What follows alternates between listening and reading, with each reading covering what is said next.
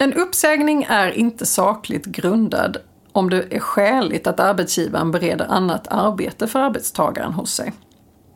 Det vill säga, arbetsgivaren måste se till att på riktigt sätt utreda möjligheterna för omplacering för arbetstagaren inom organisationen.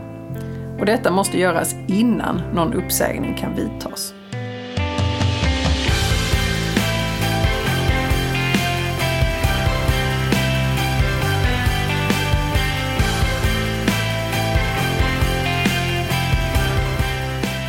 Hej och välkommen till Arbetsrättspodden. Podden för dig som verkar inom HR eller hanterar personalfrågor i din vardag. I vår podd vill vi bjuda på nya infallsvinklar och dela med oss av vår kunskap för dig som arbetar inom HR-området. Jag heter Emelie Svensäter Jerntorp och arbetar som advokat inom arbetsrätt här på Vinge. Och med mig idag har jag min kollega Åsa Gotthardsson som är delägare och specialist inom arbetsrätt och arbetar på vårt Stockholmskontor. Hej Åsa! Hej! Ja, förra gången vi satt här så pratade vi ju om arbetsbrist och vad det innebär. Och idag tänkte jag att vi skulle fokusera på någonting som är tätt eh, sammanknutet med arbetsbristen, nämligen den omplacering som man behöver göra för att eh, man ska kunna säga upp på grund av arbetsbrist. Och vi kommer särskilt att prata om skillnaderna mellan 7 och 22 paragrafen i lagen om anställningsskydd, det vill säga omplacering till lediga tjänster och omplacering enligt turordningslistan. Hur låter det Åsa? Det låter som ett spännande avsnitt. Bra, men om vi börjar från början, vad är en omplacering egentligen? Ja, men en omplacering är arbetsgivarens skyldighet att helt enkelt erbjuda en annan tjänst till den anställde som har i det här fallet då när vi pratar om arbetsbrist en övertalig befattning. Och i det första fallet så inom ramen för sjunde paragrafen så pratar vi om, som du sa, lediga tjänster. Och i det andra fallet är det fråga om eh, omplacering till en, en befattning som redan innehas av någon annan, det vill säga inom turordningsreglerna. Mm, den här sist in först ut-principen. Precis. Den är vi berömd för även eh, på internationellt håll. Ja. Mm. Men eh, om vi då eh, tittar på den här möjligheten, alltså hur, hur skapar man förutsättningar för en bra omplacering? Det absolut viktigaste skulle jag säga det är att man har rätt information om både kraven för befattningen som är antingen ledig eller då eh, innehas av någon annan. Och att man också har en uppdaterad och korrekt information om kompetensen hos medarbetarna. Så att eh, när man gör den här analysen huruvida man kan omplacera en, en medarbetare eller inte är, är korrekt. Annars kommer den ju ifrågasättas och kanske till och med ogiltigförklaras. Mm. Så rätt information helt enkelt. Hur kan man göra det på ett, på ett praktiskt sätt? Ja, men om vi börjar då i eh, sjunde paragrafen så handlar det ju om att dels titta på vad, vad, helt enkelt vad finns det för lediga befattningar i företaget om vi då utgår från att det finns en ledig befattning eh, och kanske till och med flera så ska man då titta på eh, medarbetarens nuvarande befattning och se om vi har något erbjudande om ledig befattning som är så nära som möjligt den befattning som man har idag och utgå därifrån helt enkelt. Och då behöver man titta på hela bolaget i det läget? Ja, men precis. Då är det hela bolaget som huvudregel. Det finns ett par undantag, men det går inte in på nu. Men, men som huvudregel är, det eh, hela företaget. Men det är egentligen de positionerna som man behöver utreda. Om man tittar på arbetstagaren själv, alltså de här kvalifikationerna man har. Nej, men för att man också ska kunna göra gällande en rätt till ett visst, eh, en viss ledig befattning så ska man ha tillräckliga kvalifikationer för den tjänsten. När vi pratar om tillräckliga kvalifikationer så ska ju, det är egentligen arbetsgivaren som sätter upp eh, kraven eller bestämmer kraven i en befattning. Och utgångspunkten är att det är de kraven arbetsgivaren skulle ställa på en nyanställd helt enkelt i en befattning. Det är arbetsgivaren som helt enkelt ska bevisa både varför de här kraven är nödvändiga och befogade för tjänsten men också varför eller varför inte en anställd har eller inte har tillräckliga kvalifikationer för den här tjänsten. Så om man till exempel nyligen har tillsatt en precis liknande tjänst och haft ute en eh, annons till exempel med en befattningsbeskrivning. Eh, då kan det vara någonting bra som man kan använda för att se. Ja, verkligen. Det är ju kräver. väldigt bra om man har en sån. Eh, det kan ju också vara så att man inte tänkte till när man hade den annonsen ute och därför inte var så specifik i sina krav som man kanske skulle ha varit om man visste att det fanns en möjlig omplaceringssituation om en viss period. Men, och det kan då såklart också ställa till problem mm. i en arbetsbristsituation eller i en omplaceringssituation. Och då får man ju eh, förklara det eller motivera skillnaderna mm. på ett annat sätt. Vad jag menar är att har man den här annonsen så kan ju det vara väldigt tydligt på och peka på att de här kraven var de vi vi, vi verkligen ställer upp och vi har precis anställt en person och, och som lever upp till de kraven.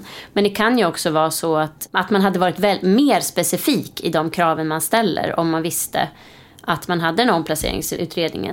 Jag menar inte att man skulle liksom hitta på andra krav men, men det skulle kanske underlätta omplaceringsutredningen om man hade varit tydligare i, i sin kravspecifikation helt enkelt. Mm.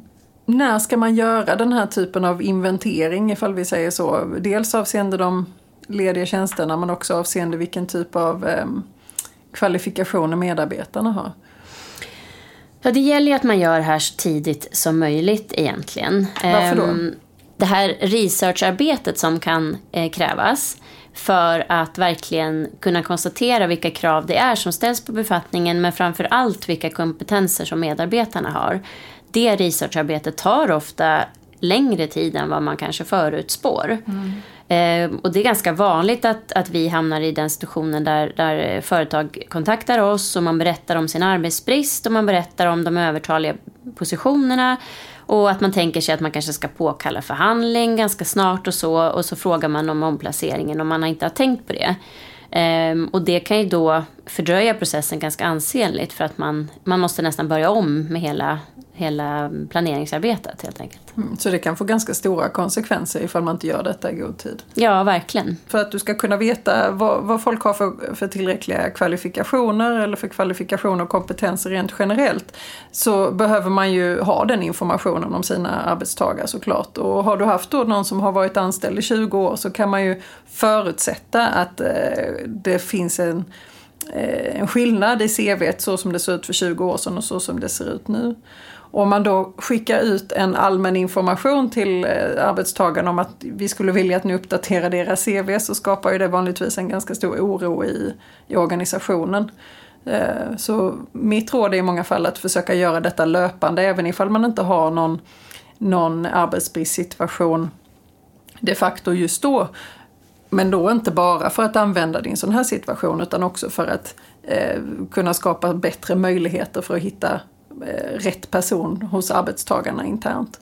Mm. Rent löpande. Mm. Ja men det tycker jag är verkligen är ett bra råd. Och även om man har gjort, gjort det här löpande upp, uppdateringsarbetet så att säga och kanske också har gjort ett riktigt bra researcharbete så kan det vara så att så länge man inte har pratat med individen eh, kan överraskningar eh, liksom dyka upp. För att det är också så att man kanske inte har berättat att man har en viss utbildning när man sökte ett jobb för det var inte relevant för det jobbet. Man kanske till och med inte ville flagga med att man hade det för det skulle man kanske verka överkvalificerad eller något liknande.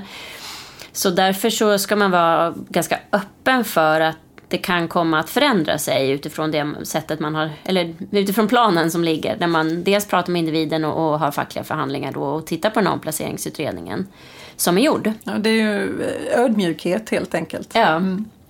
Ja, men då tycker jag vi sätter igång med vår eh, omplaceringsskyldighet. Eh, vi har en situation, vi har eh, någon typ av arbetsbrist att ta ställning till. Vad är det första vi ska tänka på när det gäller omplaceringsskyldigheten? Just det, då, vi, då har vi gjort vår research när det gäller eh, de, eh, de befattningar som blir övertaliga, de kompetensen på medarbetarna som har de befattningarna. Och vi börjar då i sjunde paragrafen för att titta på lediga befattningar i hela företaget. Hela företaget och bara lediga befattningar. Även om vi tittar i hela företaget så ska man ändå, när man liksom utgår från vad vi ska erbjuda för befattningar, då söker vi ändå efter jobb som eh, är så nära som möjligt de nuvarande villkoren och befattningen och, och så att säga söker utåt. Okej, okay, så här, här kan man verkligen ta ställning till att den här personen passar in på ett visst ställe och så? Precis. Mm.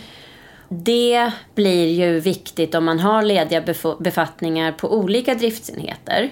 Så kan man alltså välja att erbjuda, som jag sa, rätt person på den rätta platsen enligt arbetsgivaren. Medan turordningen i och för sig spelar roll på den eh, driftsenheten där de övertaliga personerna arbetar. För när man sen går vidare till 22 paragrafen kan ju ändå turordningen spela in även då bland de som blev erbjudna lediga befattningar så det gäller på att ha, den driftsenheten. Ja, så ifall det gäller samma driftsenhet så behöver man ha en liten tanke om turordning även i förhållande till sjunde paragrafen. Precis. Mm. Men man inte har någon absolut skyldighet att erbjuda de här befattningarna utifrån anställningstid. Men du säger lediga befattningar. När är en befattning ledig? Ja, men den är ledig när, när, man, när, när skyldigheten att erbjuda den föreligger, så att säga. Och det är ju egentligen när man har eh, när det är dags att, att prata med individen om det här konkreta och preciserande erbjudandet om en befattning, då ska befattningen vara ledig. Sen kan ju det där naturligtvis vara liksom en gråzon. Om man vet att en person slutar om två veckor på en, för, på, på en befattning, är den då ledig och finns det skäl att erbjuda den? Och där kan det ju finnas skäl att kanske inte göra det i vissa situationer och i andra göra det. Och, men, men huvudregeln är helt enkelt att den ska vara ledig när man erbjuder den. Bra. Och hur många erbjudanden behöver man lämna? Det är ett konkret och preciserat erbjudande som gäller. Och tackar man nej till det erbjudandet och det är skäligt erbjudande, då har man saklig grund som arbetsgivare att säga upp personen. Konkret och preciserat. Vad skulle du säga att det är?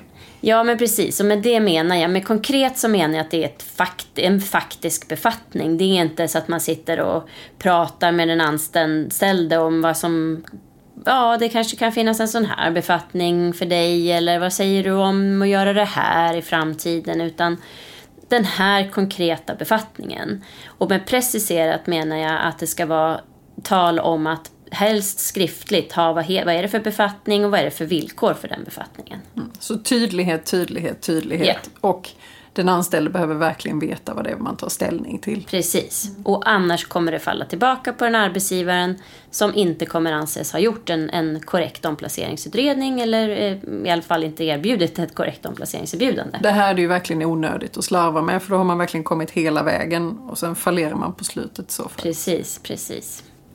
Men det är ju då egentligen omplaceringen enligt sjunde paragrafen. Då, nu har vi inga fler lediga positioner säger vi. Eh, om vi sen då ska gå vidare till eh, 22 paragrafen och omplacering enligt turordningen. Eh, vad ska man tänka på där? Vad är det första steget? Där tycker jag att det första steget är att man listar alla befattningar man har på den aktuella driftsenheten. Alltså arbetsstället där övertaligheten har uppkommit. Till skillnad från det vi pratade om precis då det är hela bolaget. Så nu är det bara driftsenheten. Precis. Och man listar de här eh, befattningarna och vem som innehar respektive befattning och respektive anställningstid, totala anställningstiden då i det här företaget.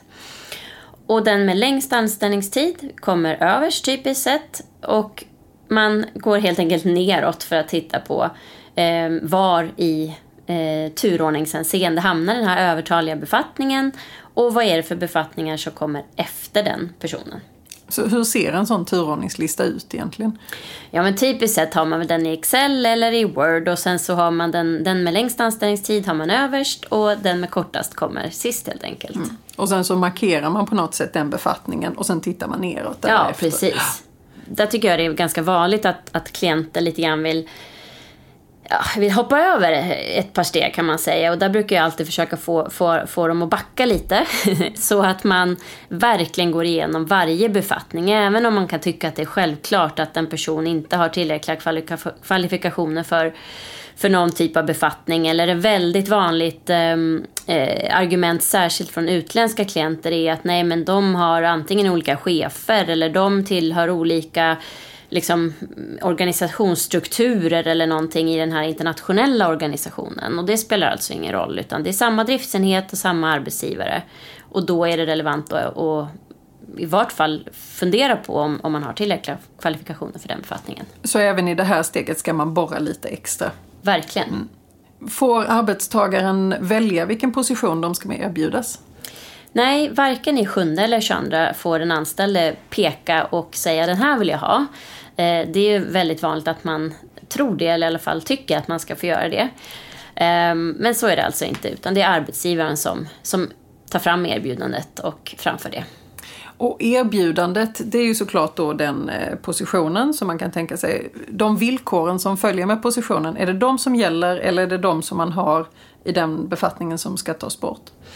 Ja, villkoren eh, man ska erbjudas framöver är de som är hänförliga till den aktuella befattningen man erbjuds. Okay. Så man kan inte göra gällande att man ska få behålla anställningsvillkor som är hänförliga till den befattningen man har. Okej, okay. men jag tror det man ska ta med sig här är att göra saker och ting i god tid och att göra det ordentligt eh, och noggrant. Eh, vad blir konsekvensen av att man inte uppfyller sin eh, omplaceringsskyldighet? Ja, det får väldigt stora konsekvenser. Särskilt om man tittar på sjunde paragrafen där man, om man inte har tittat på omplaceringsmöjligheterna, inte ens har saklig grund för uppsägning. Även om de skäl man presenterar för arbetsbristen i sig är giltiga så är det fortfarande inte saklig grund på uppsägningen om man inte har övervägt omplacering. Och i 22 paragrafen så hamnar vi i turordningsbrott om vi inte har erbjudit ett, ett omplaceringserbjudande helt enkelt. Och, och båda de här situationerna kan generera skadståndsanspråk.